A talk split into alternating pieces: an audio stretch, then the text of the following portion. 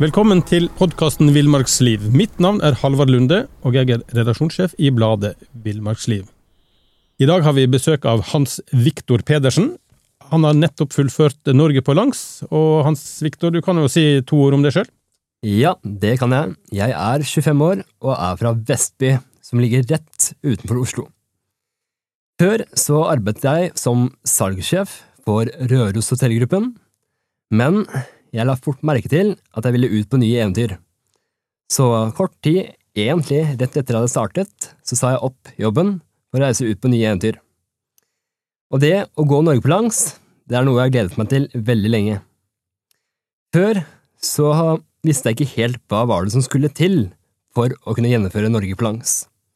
Jeg hadde kun ett mål, og det var å følge den nasjonale turistveien som heter DNT Nordryggen, fra sør til nord.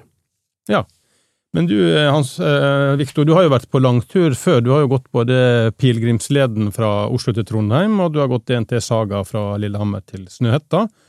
Og så hadde du et prosjekt der du skulle gå 100 000 skritt på en dag. Hva er det med denne lange gåinga som tiltaler deg? Det som er morsomt, det er at hele det med gåtrenden min, den startet egentlig da jeg tok toget fra Vestby til Oslo og T-banen fra Oslo til Nydalen. Fordi jeg har studert tre år på BI Nydalen med fokus på økonomi. Og det som fikk meg til å gå ut på tur, det var spørsmålet hvor lang tid, og er det mulig å gå fra Vestby til Oslo? eh, og deretter så har det egentlig bare ballet på seg med flere og flere turer. Ja, det må jeg si. Men du, vi, vi, vi skal spole bitte litt tilbake i tid. Den 25. Ehm, september så la du ut, en, eh, la du ut en post på Facebook der du hadde nådd ehm, målet ditt for turen. Altså, du starta på Lindesnes og endte på Nordkapp, som er mange andre som går Norge på langs. Og det var litt morsomt med den ene Just Felt, eh, nei, Just eh, Felt Hiking, altså en liten sånn referanse til Forest Gump, som var ute og løp.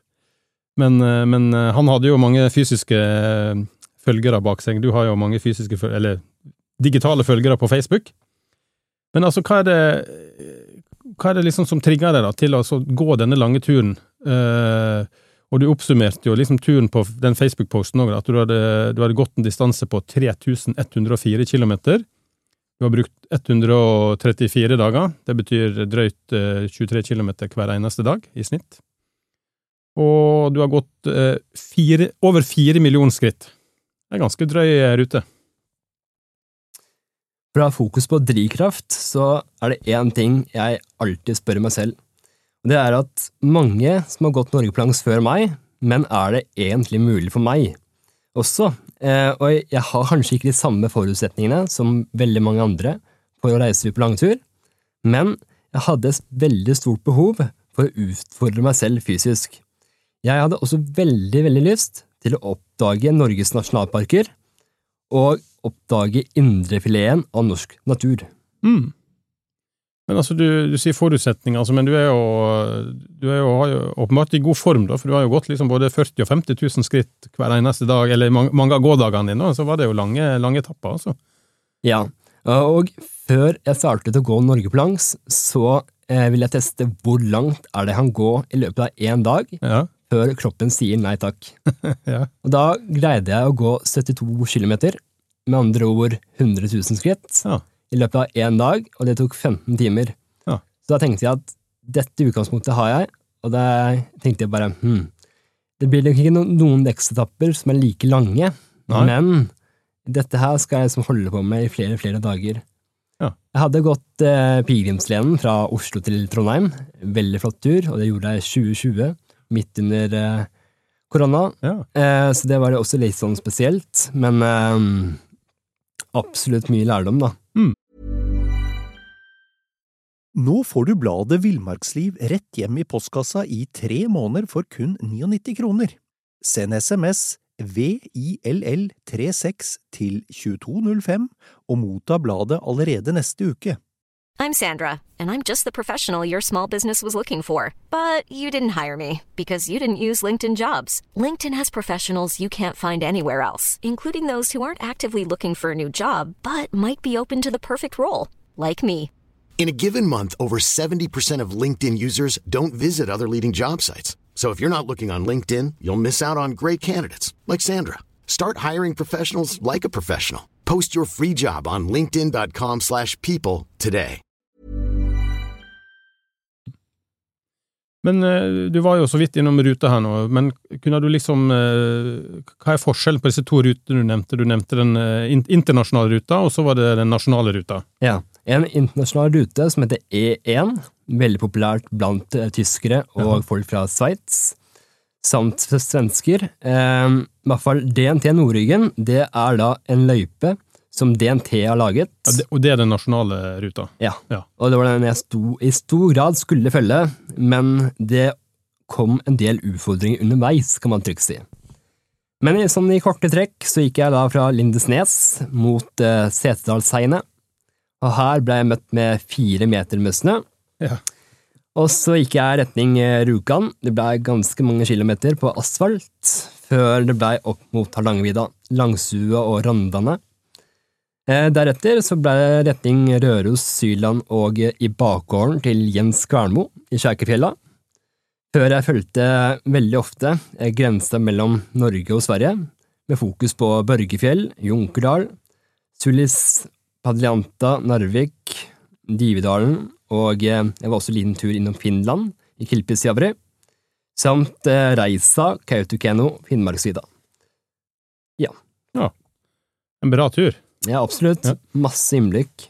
Hvordan, eh, når, du liksom, når tanken var, var der om å gå Norge på langs, hvordan, hvordan starta du med planlegginga for Hvordan, hvordan tenker en eh, når når en skal gå en sånn tur?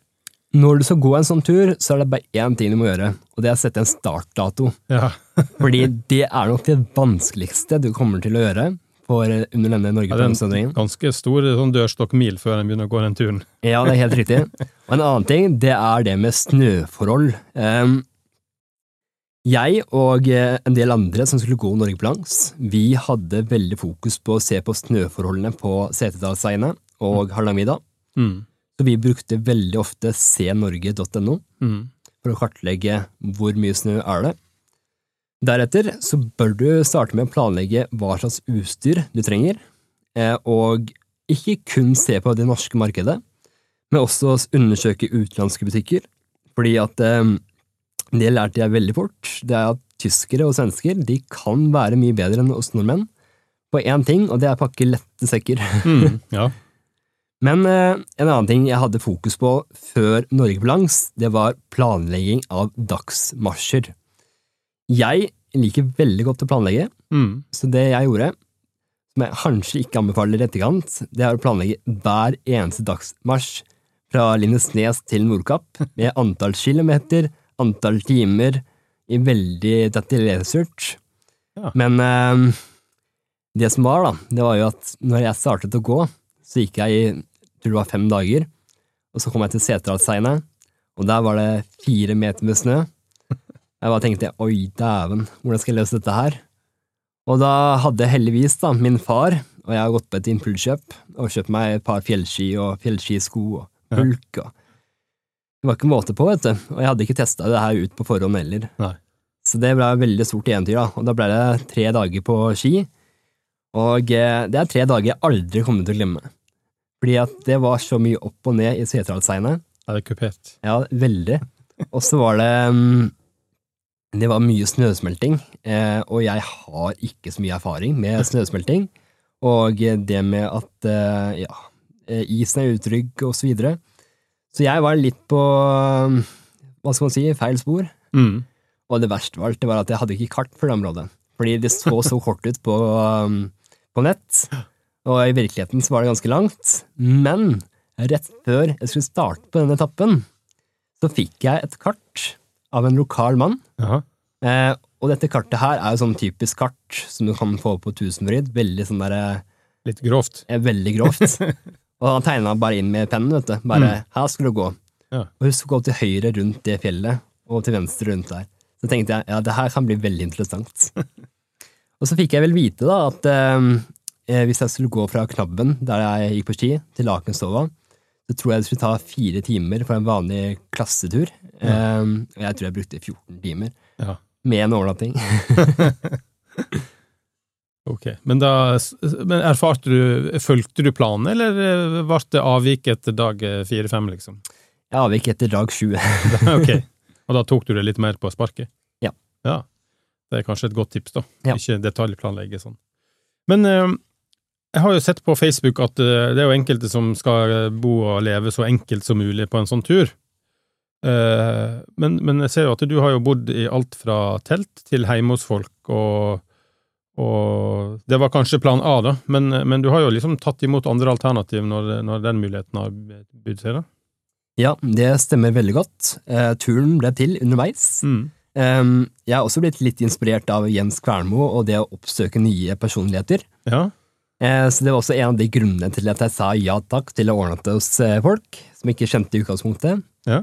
Men eh, når jeg måtte legge fra meg fjellskia, så måtte jeg gå i Setesdal, og for de som har vært der, så er det høye fjell på hver side, og så er det egentlig bare en trang dal. Veldig fin for så vidt, men da måtte jeg endre litt planen, og det å sove mer på campingplasser. Mm. Så jeg så en del på campingplasser i Sør-Norge, faktisk. Men, eh, men eh, apropos folk, eh, du skriver jo et sted, langt, det er jo i Smørfjord, da traff du Hjørdis, så hun stilte liksom med dusj og overnatting og middag, og, og hvordan blir du liksom møtt av folk, da? Når du, du, kommer, og du er jo kanskje ikke på ditt verken reneste eller mest Lukter kanskje litt rart, og, og likevel så åpner folk døra og slipper deg inn? Ja, det som er spesielt med Hjørdis, det var at hun kontaktet meg allerede før turen. Oi! Fordi at eh, hun kunne by på overnatting og alt mulig. Men hun bodde på Smørfjord, og hvis jeg skulle besøke henne, så måtte jeg bare tilbakelegge 3000 km Ja, ja. først. Så det var litt morsomt. Men jeg tror hun fikk litt sjokk når hun så hvor mye skjegg og hår jeg hadde når jeg kom til henne. For da hadde jeg vært ute igjen siden 125 dager eller noe. Ja. Men er det, er, det, er det folk eh, stort sett sånn eh, Tilbyr seg overnatting og mat, eller må du liksom hinte litt? Det første du må gjøre, det er å spørre om vann på vannflaska, Ja. fordi da er praten i gang. Ja. Da lurer de på hvor er du skal hen, eh, og da sier jeg Norge på langs, og de tenker bare wow. Ja. Og jeg bare mm, eh, fortsetter samtalen, og jeg var borti et tilfelle rett før Oksantinan, at jeg bare banket på en helt tilfeldig hytte, og der var det folk. De ga meg vann på vannflaska. Ti minutter etter så var jeg i dusjen, og så gikk det vel en eh, halvtime etter, og så um, satt vi i stua og prata litt. Det her hadde jeg egentlig ikke tid til, jeg måtte finne en teltplass. Men eh, det løste seg, for jeg fikk eh, liksom låne en sovesofa, Ja. og fikk tilgang til kjøleskapet. Jeg vet ikke hvor lurt det var, men ja, det var noe mat igjen etter plasteret. Men du møtte jo, du møtte jo jeg har sagt, vår, mann oppi der òg. Bengt Are Barstad gikk du det på? Ja, det var egentlig veldig tilfeldig. Ja. Eh, og det som var morsomt, det var at dagen, eller dagene før jeg hadde møtt eh, Bengt Are, så hadde jeg publisert et innlegg eh, på um, en sånn Facebook-side at jeg var i jeg tror den heter Rockborry nasjonalpark. Ja. Litt vanskelig å uttale. Men hadde fall sett bilde av teltplassen min. Mm. Eh, og så når vi møttes eh, ved Altevann, eh, så var det jo veldig tilfeldig det òg, for vi møttes hverandre bare midt inne i skogen. eh, og eh, nei, det var en veldig morsomt møte med Bengt Are, fordi at eh, i utgangspunktet så hadde jeg ikke forventet å se han, men vi fulgte med på hverandres turer, Ja. og eh, han hadde håpet på å treffe meg, og det samme i retur. Ja. Eh, så det var veldig morsomt å møte han, for jeg kunne til og med by på en vaffel, fordi at jeg kjente dugnadsgjengen som var på nærmeste DNT-hytte. ja. Ja. det, og for deg som ikke kjenner Bengt Are, så er jo han som eh, kaller seg vel 2000 dager ute nå, og skal, skal bo ute i 2000 dager, ja. Og er på vei sakte, men sikkert sørover, da. Men altså um, du, du sa du, du, du har gått 134 dager, da har du vel hatt eh, 133 overnattinger eller noe sånt, da, kanskje? Ja. Eh, kan du liksom dele noen sånne overnattinger, noen sånne netter som har bydd på kanskje store opplevelser i, i positiv forstand, og kanskje noen som ikke var så, så, så eh, flotte, på en måte? Ja, absolutt. Det jeg husker spesielt godt, det er nok min første og andre overnatting. Jaha. Min første natt, det var på parkeringsplassen på Lindesnes fyr. Ja. Eh, og min andre natt, det var ved et vann eh, like ved Hoftenes, ganske langt sørpå. Men i hvert fall der så fikk jeg se en bever på fem meters skjold. Oi. Og jeg trodde i utgangspunktet at det var en steinras som eh, skjedde, men det var jo bare halen til beveren som klaska oh, ja. i vannet. Så da ble jeg litt sånn sjokkert. Og den beveren den var der veldig lenge. Ja. Den bare svømte rundt på det vannet som jeg telta like ved. Men eh, det var flere. Um, teltplassen på Kryppindalen det er også en av de nettene jeg sov med fjellsky og pulk. Mm. Eh, Da var det utrolig flott eh, solnedgang, og eh, jeg var jo også litt nervøs for den campplassen her. Jeg visste ikke hvor det var best å campe, med tanke på skredsikkerhet Mm. og, og så videre, vær i morgen og sånn. Så jeg tenkte bare sånn enkelt og greit, vi camper på toppen av fjellet, så får vi se hva som skjer. Ja. Men Det var utrolig fin utsikt, men det var ikke akkurat den beste strategiske plassen. Det var det ikke. Men eh, det gikk veldig fint, det gjorde det. Og så var det jo på Grønlivatnet. eh, Det ligger ved Kjækerfjella, Ja. og det er veldig, veldig fint der. Eh, Bortsett fra at min kamerat fikk fisk på første kast, Mm. og det var helt utrolig. Men iallfall, himmelen der, den var blå, oransje og lilla, og det var helt utrolig, det, det stedet der, altså. Mm. Ellers så hadde jeg to eh, overnattinger som ikke var så positive. Ehm, den natten jeg sov i Finland, så tror jeg også at på den dagen så har jeg spist et eller annet som jeg ikke tålte. Mm. Eh, eller det var kanskje en burger som var understekt, eller et eller annet sånt. Så jeg merka jo på kvelden at jeg var litt sjuk, egentlig. Eh, og jeg klokka var to på kvelden, og da plutselig så måtte jeg kaste opp. Oi. Og morsomt nok så rakk jeg ikke ta opp teltduken. Oh. Eh, og da tenkte jeg, og innerteltet også, jeg rakk ikke det å gjøre det, vet du. Da måtte jeg kaste opp, og det gjorde jeg i innerteltet. Så alt ble jo brunt, da. Eh, og eh, regnbuksa, den hadde skifta farge, og Uff. maten som jeg hadde kjøpt inn, den var full av eh, ja. Nei, uff a meg. Men iallfall dagen etter så tenkte jeg hva skal jeg gjøre nå? Og jeg valgte å fortsette, fordi at formen hadde blitt mye bedre. Men det var også en natt ved Smørfjord, eh, da jeg er like ved Eller det er dagen før jeg var hos Hjørdis. Mm. Og det er, da var det masse vind, altså. Jeg hadde satt opp eh, teltet i feil vei, eh, slik at eh, vinden tok godt tak. Og teltplugger de bare føyk opp i lufta mens jeg så. Ja, eh, skal være forsiktig. Men, eh, men du, du var innom at du hadde en kamerat på besøk som fikk fisk på første forsøk her. Har du, har du, liksom, har du hatt- ofte hatt besøk underveis på turen, eller? Jeg hadde med en veldig god kamerat eh, i én uke. Mm. Eh, han ble med fra Bjørneggen, eh, det er like ved Syland, Mm. og til Snåsa. Eh, det var en veldig fin tur. Vi fiska nesten hver dag, eh, og det skjedde masse kult der. Masse manneskitt og for så vidt. Men du er jo, du, er jo, du har jo en egen sånn Facebook-side for turen, og, og du har vært ganske flink å poste. Du har vel posta nesten hver dag ruta di og hvilke områder du har gått i og sånt. Og, og, du har jo også en uh, spleis der folk kunne eller kan sponse deg. Mm. Men altså, hva gir det deg det der? Du får jo en del flotte tilbakemeldinger og masse likes og sånt. og Hva gir det deg sånn på en sånn tur, da? Det jeg først og fremst er stolt over, det er å publisere ett innlegg for hver dagsmarsj. Ja. Eh, fordi da har du liksom en dagbok Mm. og noe å tenke tilbake til. Ja. Eh, ellers så um, Det å dele opplevelser for meg, det gir meg ganske mye glede. Mm. For du får, en, ja, du får likes, men du får også mye kommentarer. Ja. Eh, I tillegg så um, er det sikkert en del som føler på det presset ved å publisere ting hver dag når Mm. du er på eventyr.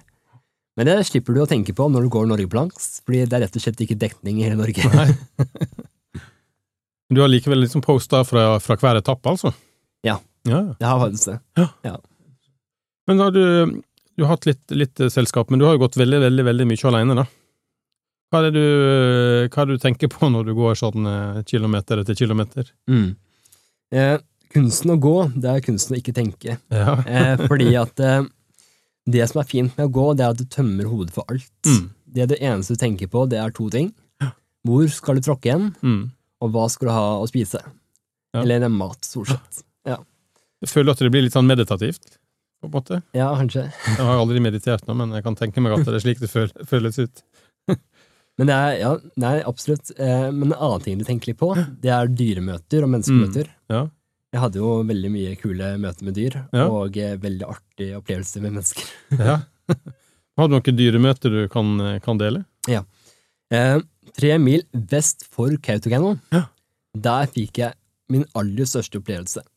Eh, jeg campa på et sted som absolutt ikke er fint i det hele tatt, Nei. men eh, Det var nærme en bilvei over så vidt, men det var ikke noen biler der. Men eh, da, når jeg tok og um, dro opp teltduken, så fikk jeg se en ugle som bare fløy forbi meg Mm. på to til tre meters avstand. Og så hadde vi øyekontakt, og så fløy den videre. Ja. Men eh, så gikk jeg opp til bilveien, bare for å se på eh, stjernene, for det var skikkelig stjerneklart den Mm. dagen. Og eh, da fikk jeg se seks ugler totalt, Oi. som bare de, ja, de fløy i sirkel rundt meg, eh, på to til tre meters avstand. Og de, noen av de bare landa rett foran meg. Så jeg kunne nesten ta på dem. Du var skikkelig nysgjerrig. Jeg trodde uglene var litt mer eh, forsiktig. Ja, det trodde jeg òg. Jeg hadde fått ak aksept til naturens mann, vet du. Men altså um, Altså, det er mange som blir tiltrukket av sånne lange, lange tur, eh, turer, lange vandringer og sånt. Hva er det liksom vi mennesker uh, liker med det? Altså, hva tenker du er det liksom Hva er det som tiltrekker oss ved en sånn vandring? I og med at det er jo ganske mange som har gått Norge på langs, og ganske mange som går andre lange turene. Mm.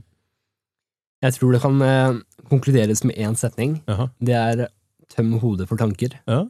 Jeg snakket en del med tyskere, de møter tyskere underveis, eh, og de sa de, det eneste grunnen til at de reiser til Norge Ja. for å være her i fire måneder, det er for å tømme hodet på alt. Ja. Ja. ja interessant. Eh, du skriver jo på den eh, Du hadde jo en spleis, og der skriver du at du, du bruker naturen litt sånn som blå resept. Altså at naturen både er en medisin og, og, og inspirasjonskilde til personlig utvikling. Um, det henger kanskje litt sammen med det vi har snakka om, altså det der litt meditative med å gå på tur. Absolutt, det gjør det. Men er det noe liksom Tenker du at det gir noe mer, at du liksom Blir du et bedre menneske? Blir du liksom Blir du klokere, på en måte? Altså det å Mer reflektert, kanskje? Du blir mer klar over detaljer når Ja. du kommer tilbake fra turen. Mm. Det har jeg veldig lagt merke til. Ja. Bare det å ta flyreise, det er egentlig veldig komplisert. Ja. Eh, Fordi at først må du komme til flyplassen, Ja. må du sjekke inn bagasjen, og så er du avhengig av at flyet er i rute, Ja.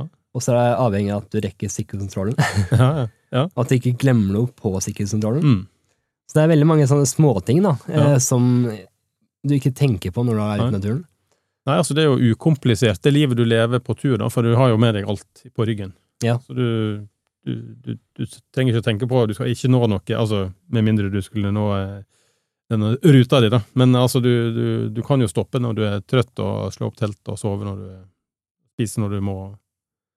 Ukomplisert liv, da. Det Er det det som kanskje Det var et veldig deilig liv. Ja. det det du Liksom nå når du kom tilbake og noe sånt, da har du fått tid til å reflektere over liksom vårt, vårt moderne liv, da, så lengta du ut igjen med en gang? Ja, det gikk 24 timer, og så tenkte jeg på ny tur. Ja. Ja, det gjorde det. ja, det er godt gjort. Så derfor bestilte jeg flybilletter til Bodø. Ja, jeg så det at du hadde vært en liten snartur opp i nord igjen. Ja. Um, men altså, vi har så for, for så vidt vært innom det, men altså, er det noe sånn tidspunkt, eller er det noe liksom Når tid oppdaget du liksom at det å gå langt, det, det er min greie, liksom? Ja, det undersøkte jeg faktisk i går, Ja. eh, og jeg fant ut at det var 4. juni 2019. Ja, det var veldig spesifikt. Yes. Da fant jeg ut at da liker jeg å starte å gå lengre turer. Ja. Fordi på den dagen så gikk jeg da fra Vestby til Oslo, Ja. og jeg fikk med en eh, person eh, som jeg ikke kjente i utgangspunktet, med på den turen her. Mm. Fordi jeg hadde publisert et innlegg på Facebook og spurte om noen hadde lyst til å bli med. Ja. Og jeg fikk jo kommentarer 'ta toget', 'ta bilen'. ja, det var ikke måte på. Men i alle fall, eh, hun ble med, og det publiserte jeg på Facebook etter turen. Ja. Og da fikk vi veldig mye oppmerksomhet rundt Ja. den turen. Jeg har sykla til Vestby en gang, faktisk. Ja, Det er en fin tur. ja det er det. Selv om det er litt trafikk eh, på E6-en. Altså, du, du går jo ikke på E6-en, men du, Ja. ser, du ser den, for å si det sånn. Ja, eller akkurat når jeg gikk, så fulgte vi bilveien. Eh, Det var litt sketchy, men det som var morsomt, det var jo at det var en eldre mann som kontaktet meg etter turen, Ja. og da introduserte meg for pilegrimsleden. Ja. Det var der den kom inn i bildet, altså. Nå får du bladet Villmarksliv rett hjem i postkassa i tre måneder for kun 99 kroner. Send SMS VILL36 til 2205 og motta bladet allerede neste uke. Hey, it's Paige DeSorbo from Giggly Squad. High quality fashion without the price tag. Say hello to Quince. I'm snagging high-end essentials like cozy cashmere sweaters, sleek leather jackets, fine jewelry, and so much more. With Quince being 50 to 80% less than similar brands. And they partner with factories that prioritize safe, ethical, and responsible manufacturing. I love that. Luxury quality within reach. Go to quince.com slash style to get free shipping and 365 day returns on your next order. Quince.com slash style. Uh, ja. Vi kan jo snakke litt om pilgrim, pilegrimsleden. Hvordan var den å gå, egentlig? Den er egentlig ganske annerledes Ja. eh, i forhold til Norge på langs. Det var jo litt spesielt når jeg gikk, for da var det koronaperioden. Mm. Og det var eh, ikke mange mennesker å se. Det er veldig populært å gå pilegrimsleden blant tyskere, tror jeg. Mm. Eh, men eh, utrolig fint. Og det som var morsomt, det var at vi var innom kirka stort sett hver dag. Ja. Den går jo på en måte fra kirke til kirke. ja. Eh, og så kommer det opp til Nidarosdomen, som er eh, Det målet. Ja. Er det noe spesielt som liksom eh, Får du sjekka inn, eller er det noe sånn må- målgang? Det som var veldig spesielt med pilegrimsleden, og det er at eh, den gangen jeg møtte flest mennesker under turen, Ja. det var på Nidarosdomen, fordi da ble jeg kjent med alle prestene som har en tilhørighet til Nidarosdomen. Ja. Så jeg ble tatt imot av alle prestene som er der, da, altså sognepresten og alt mulig. Ja. Og eh, vi fikk jo den varme velkomsten. Mm. Men det som er morsomt når du kommer til Nidaros, det er at du må skrive deg inn i et sånt testament eh, på at du har gått eh, pilegrimsleden, og så får du sånn sertifikat på at du har gjennomført turen. Ja. det er greit å ha. Ja. Um, men altså, vi, um, vi Ja, vi kan, jo, vi kan jo ta med den DNT Saga òg, for disse langturene er jo noe sånn relativt nytt da, fra, fra DNTs side. De har jo merka opp en del sånne signaturruter og Saga og ja, jeg vet ikke hva de kaller alle de rutene. ja, det finnes veldig mange av de. Ja. De gjør det. Og eh, DNT Saga var jo spesielt på sine måter. Mm. Eh, møtte ikke så mange mennesker der heller, Nei. utenom i Rondane. Ja. Og det var spesielt. Det Du gikk på, gikk på sommeren, antar jeg. eh, ja, det var i august. August. Ja. Men det var spesielt fordi eh, den starter jo da på Nordseter, ved Mm. Ringebyfjellet. ja. Litt nord for Lillehammer. Ja, stemmer.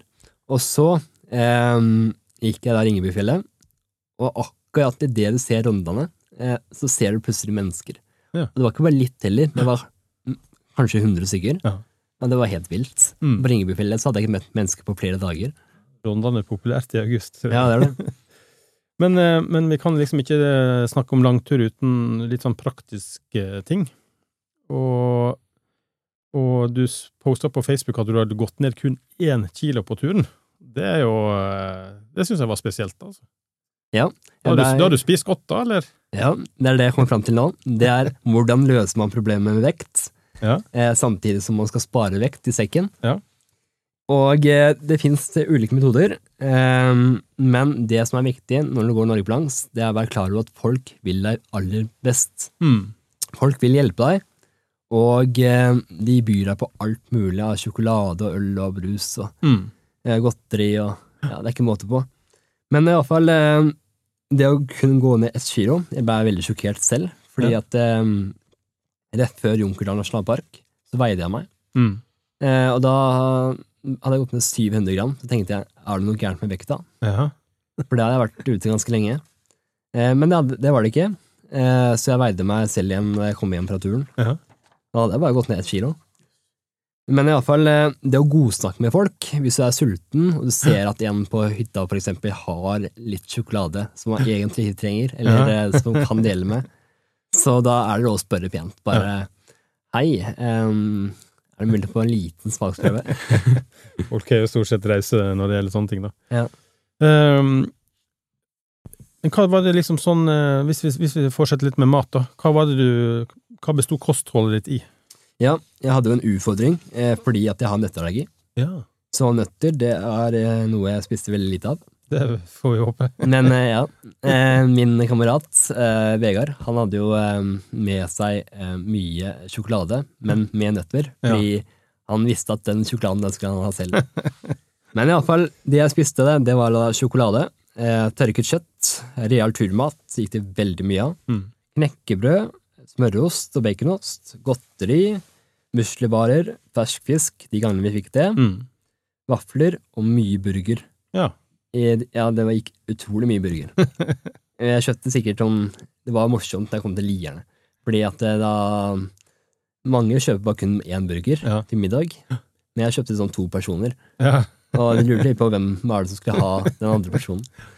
Men eh, jeg hadde også vitaminpiller, eh, okay. fordi at eh, det er litt med tanke på hva man får inn. Det ble mye kjøtt, eh, mye sjokolade. Blir litt ensidig, rett og slett. Yes. Men eh, eh, vi skal inn på litt sånn praktisk òg rundt, rundt det utstyr du hadde med deg. Men jeg må jo For du, har lagt ut en del poster i etterkant av litt sånne erfaringer du har gjort deg på turen rundt utstyr. Men, men det, som, eh, det som imponerte meg litt, var at sekken din veide kun 15 kilo. Ja. Det høres det veldig lett ut. Det gjør det. Eh, men så kom jeg mat og drikke i tillegg. Ja, ok. Ja. Så 15 kilo var basisen, og så kom mat og drikke. Yes, Ja. det er det som står der. Ja. Men iallfall, fall, jeg har lært utrolig mye om vekt. Eh, ikke bare min egen vekt, men eh, også sekken sin vekt.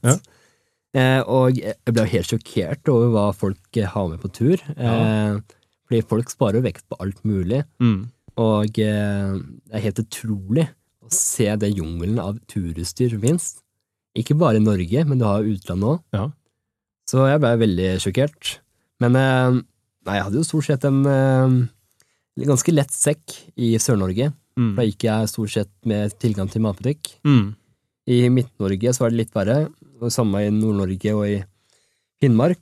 Men når jeg pakka mat, eh, så var det stort sett for én uke om gangen. Ja. Fikk du etterforsyning, eller var du innom butikk? Mm. Eh, begge deler. Eh, Ja. Det som er fordelen med min far, det er at han har vært eh, Han liker veldig godt å kjøre bil. Ja. Eh, så han møtte meg ganske mange ganger under turen. For da fikk han også oppdage Norge. Ja, ja. Eh, men det han også gjorde, det var at han hadde med ekstra mat, drikke og videre. Mm. Så det var en måte å holde vekta oppe på, Mm. eh, og det var veldig viktig. Eh, I tillegg eh, så vil jeg anbefale alle å lage en Facebook-side, spesielt hvis du går Norge på langs. Mm. For det første, det er veldig mange som vil følge deg. Mm. Og for det andre, de vil hjelpe deg også. Mm. Eh, og eh, jeg fikk tilgang til mer mat under turen, bare på grunn av at jeg har lagd en Facebook-side. Mm. ja. Fordi folk bor i alle mulige steder i Norge, altså. Ja. Til og med i små tettsteder så er det folk på, på Facebook, da. Ja, ja, ja. Alle er på Facebook. Ja. Men altså, du, du, du skriver her, du klarte deg om eh, ja, du, har, du har en fantastisk flott utstyrsliste som jeg har fått tilgang til, og der er det jo lista tre sekker, 48 liter, 68 liter og en på 70 liter. Ja, Det er ganske små sekker for en sånn langtur, egentlig, da. ja det er det. Ja. Eh, den eh, 48-literen, den funka utrolig bra i Sør-Norge. Mm. Fordi da var det sommer, det var eh, rett etter 17. mai for, så- vidt. Eh, men så kom jeg opp mot Hardangervidda, og da var den 68-literen. Mm. Eh, funka fint. Men det som de hadde felles, de sekkene her, det var at alle de sekkene ble ødelagte til slutt. Oi. Utslitt, altså. Ja, alt mulig. Det skjedde mye rart. De tålte ikke bruken. Altså. Nei, jeg har kommentert det i etterkant. Ja, eh, jeg har sett det. Men iallfall, den 68-literen, der røyk hoftebeltet. Oh, ja. Eh, og det skjedde i Syland. Ja. Så jeg hadde veldig flaks, fordi at eh, hadde det skjedd på Hardangervidda, så hadde det vært en større utfordring. Men eh, rett etter Syland eh, så møtte jeg Bjørneggen, DNT-ete, Mm. og der møtte jeg min kompis som hadde tatt toget fra Bodø til Trondheim Jaha. og kunne gå innom en sportsbutikk og kjøpe ny sekk. Ja, for eh, hoftebelte er greit å ha. Ja, det er det. Tungt å gå uten, sånn, sånn som en gjorde i, i gamle dager. Skulle du si. Ja. Eh, ja, vi kan hoppe videre til telt. Her òg har du lista tre forskjellige telt, da. ja, jeg har det. Eh, I utgangspunktet så brukte jeg veldig mye mitt MSR Huba NX-telt. Det veier 1,1 kilo. Det er sånn enmannsteltet. Det er også et fantastisk telt for de som er litt lange, for du kan sitte opprett i det. Oh, ja, ok. Eh, men jeg brukte også et Hellsport ringstid-telt, sånn Superlight. Mm.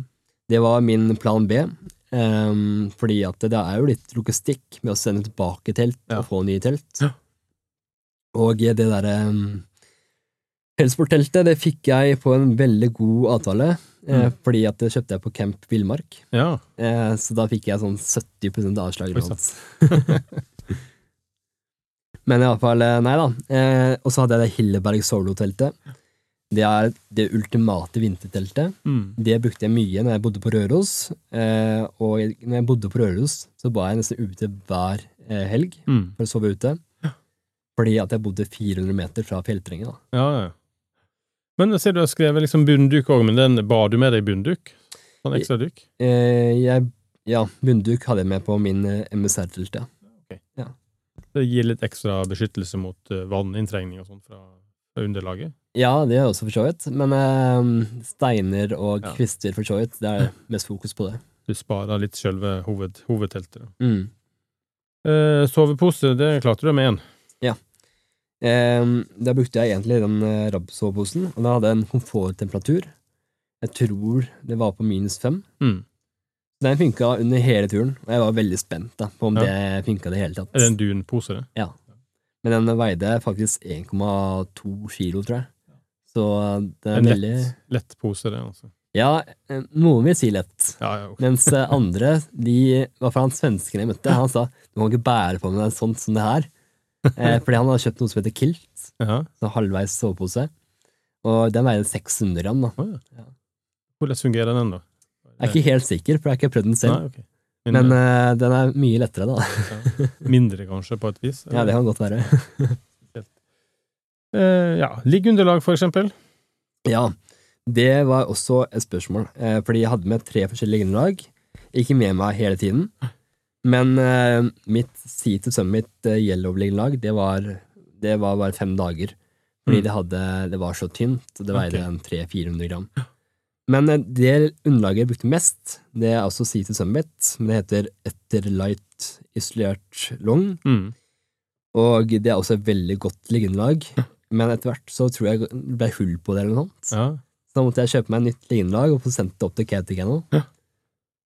Og da brukte jeg det Exped Ultra Light. Ja. Så jeg må liksom, jeg må liksom eh, budsjettere med litt, eh, litt utstyrskjøp underveis òg, Ja. egentlig. da. Jeg hadde en veldig, eller jeg var veldig uheldig. Eh, akkurat når jeg inn i Narvikfjella, Mm. så røyk bæresystemet på min eh, Osprey 70 liter. Ja. Og da fikk jeg en kant som var utrolig skarp. Så den lagde hull både på eh, liggeunderlaget, men også på pakkeposen til eh, klærne mine. Og til, til og med ullungsen min. Eh, gjaldt turmatposen. Oi sann. Så det ble litt sånn hektisk. Og så hadde jeg en pakke med sånn der gorillateip. Mm. Eh, og jeg tror jeg brukte opp nesten hele den pakka bare på å surre inn eh, og, og prøve å gjøre bæresystemet best mulig. Ja. da.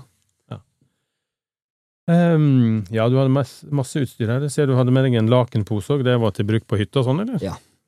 Det som er fint, det er at jeg er 25 år, eh, og ifølge DNT Mm. så er du ungdom eh, fra du er jeg tror du var 13 til du er 25, Mm. eller 26. Og så, da sparer du, da får du halv pris på alle overnattinger. Ja. Det kom godt med hvis du skulle sove inne på hytta. Mm. Ja. De er ikke så dyre i utgangspunktet heller, som regel. Så, I hvert fall ubetjent og selvbetjent er jo ganske overkommelig pris på. Ja, jeg betalte 100 og 150. Enkel standard, som regel. Men Ja. eh, du har tilgang til et utedo, i hvert fall, og innekjøkken og, Ja. og, og seng. Man skulle tro at det var enkeltstandard, men veldig mange av de DNT-ene som du går forbi mm. Mm. følger den nasjonale Ja. veien, de er veldig god standard. Eh, så du har faktisk tilgang til å lade mobilen nesten på alle hyttene. Mm.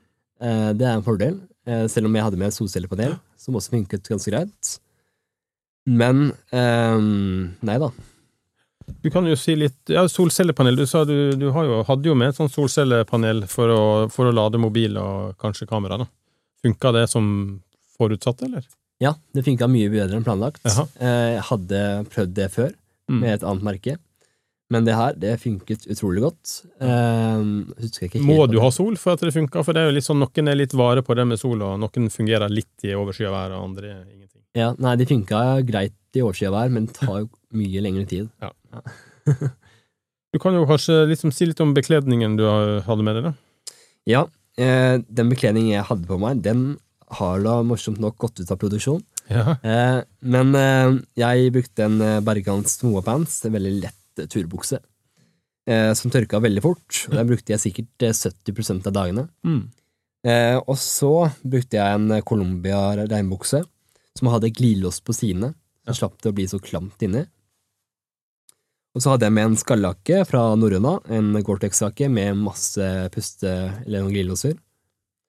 Og så en rabb dunjakke, eh, som var veldig lett og greit å ha på Mm. når eh, du skulle sette opp camp. da. Du hadde, hadde du med ekstra liksom, dobbelt sett med ulltøy og sånne ting, eller? Jeg prøvde å ha med minst mulig. Ja. Eh, jeg kunne sikkert hatt med mer, men eh, det er også et tips jeg vil dele. Det er at eh, ikke kjøp for stor sekk, eh, selv om det er kjekt å ha med mer.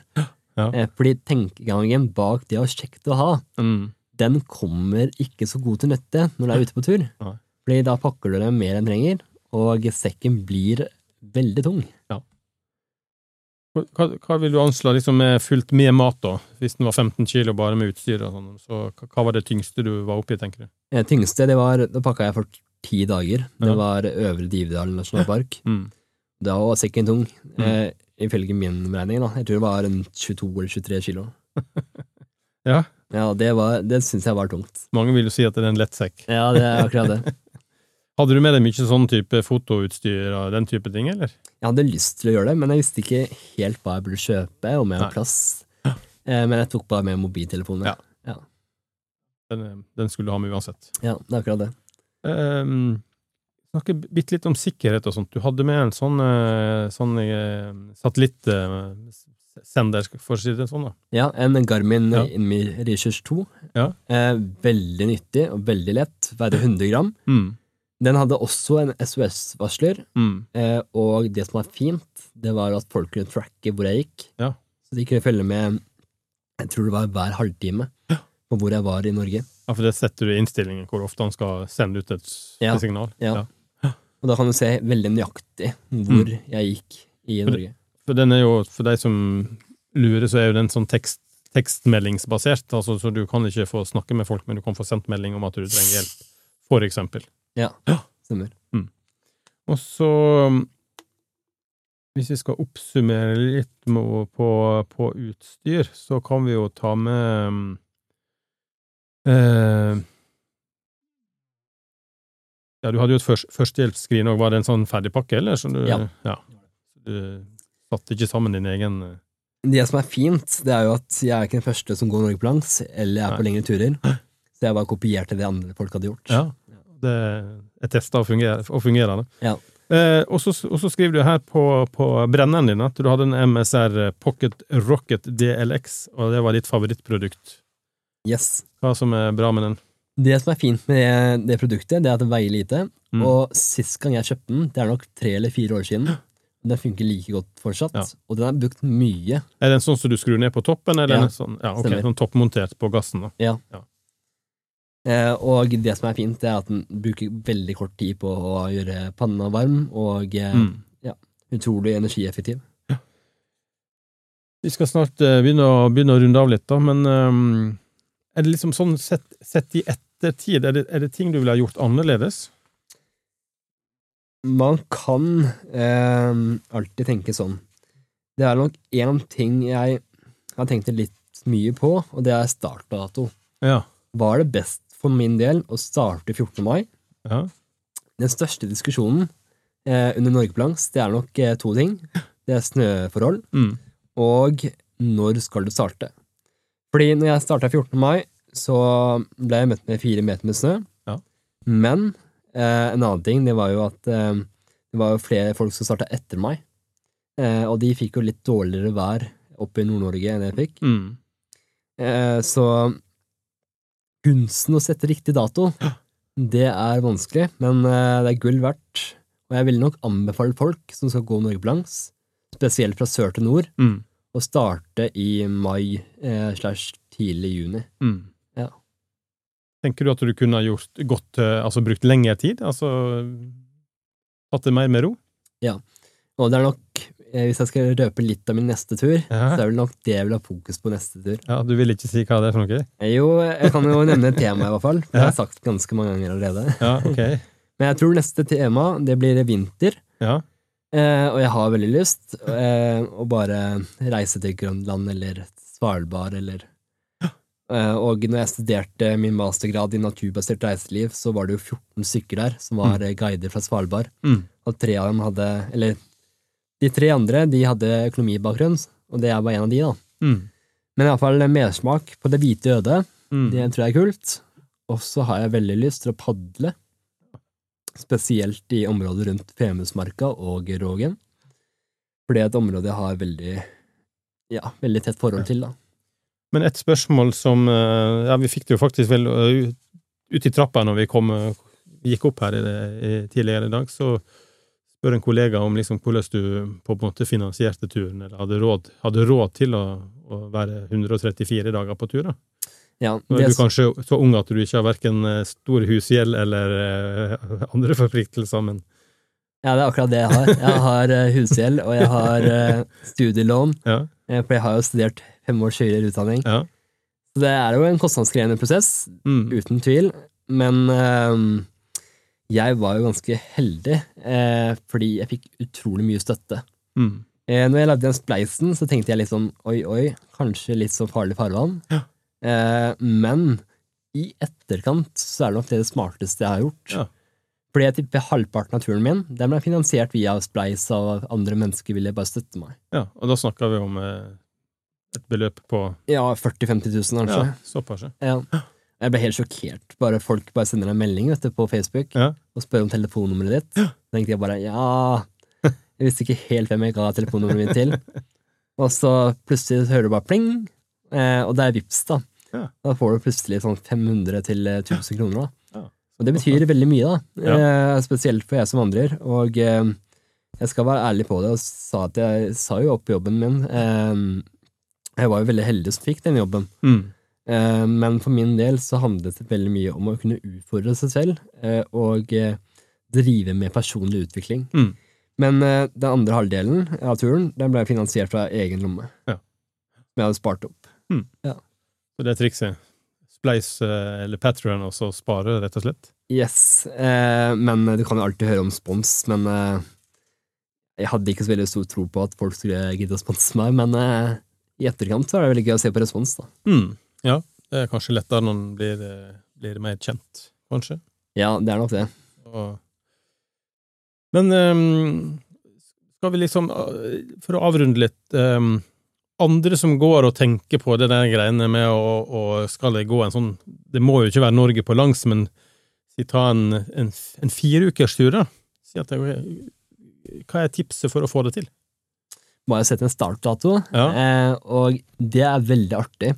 For det pleier jeg å gjøre når jeg er på tur. Ja. Jeg setter en startdato, si eh, 16. mai eller 14. Mm. mai når jeg starta, Mm. og så holder du den startdatoen, Ja. og så gjør du alt du kan for at den turen blir eh, realisert, da. Ja. Eh, startdatoen for eh, Norge på langs, den tror jeg satt tre måneder før turen. Mm. Eh, og da tenkte jeg yes, akkurat den dagen, da skal jeg stå på Lindesnes fyr med skoa på, og forhåpentligvis så har jeg tenkt grundig gjennom hva jeg går på, men det gjorde jeg absolutt ikke. Men eh, nei da, og vi skal ut på en fire ukers tur, eh, og du syns det er mye å planlegge, så bare ta én uke om gangen. Mm. Jeg gjorde en stor tabbe og planla for 140 dager på tur. Eh, masse arbeid, mye ekstra slit. Men hadde jeg greid å bare planlegge for én uke om gangen, så hadde det gått fint, det også. For det utstyr du har med deg, det skal du jo på en måte ha med nesten hele veien. Så Ja. det er jo på en måte den provianten og det overnattinga og hvor du skal gå hen, som er Du må nesten ta fra iallfall uke til uke. Da. Og når du har en egen Facebook-side, Mm. som jeg vil anbefale å lage selv hvis du er på fire ukers tur, Mm. eh, så og du trenger behov for proviant, Ja. og din familie eller slekt bor langt eh, av gårde, så er det veldig mange som har lyst til å støtte deg. Mm. De vil hjelpe deg, de vil levere mat, og eh, jeg har vurdert om jeg skal reise opp til Bengt Are eh, og bare få levere mat til han gang. Ja. Det blir han nok glad for. Ja. Men da, da er det vel bare å eh, si at folk må sette av tid, sette startdato og sette av litt penger. Ja, og eh, bare få på seg skoa. Ja. God tur da, kanskje.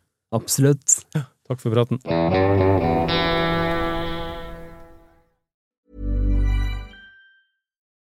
Nå får du bladet Villmarksliv rett hjem i postkassa i tre måneder for kun 99 kroner. I Villmarksliv kan du lese om norsk natur, ærlige tester av klær og utstyr, og mange gode turtips skrevet av erfarne friluftsfolk, fiskere og jegere. Send SMS VILL36 til 2205 og motta bladet allerede neste uke. Lev livet villere med bladet Villmarksliv. Planning for your next trip? Elevate your travel style with Quince. Quince has all the jet setting essentials you'll want for your next getaway, like European linen, premium luggage options, buttery soft Italian leather bags, and so much more. And is all priced at 50 to 80% less than similar brands. Plus, Quince only works with factories that use safe and ethical manufacturing practices. Pack your bags with high-quality essentials you'll be wearing for vacations to come with Quince. Go to quince.com/pack for free shipping and 365-day returns. Mom deserves the best, and there's no better place to shop for Mother's Day than Whole Foods Market. They're your destination for unbeatable savings, from premium gifts to show-stopping flowers and irresistible desserts. Start by saving 33% with Prime on all body care and candles. Then get a 15-stem bunch of tulips for just $9.99 each with Prime. Round out Mom's menu with festive rosé, irresistible berry chantilly cake, and more special treats. Come celebrate Mother's Day at Whole Foods Market.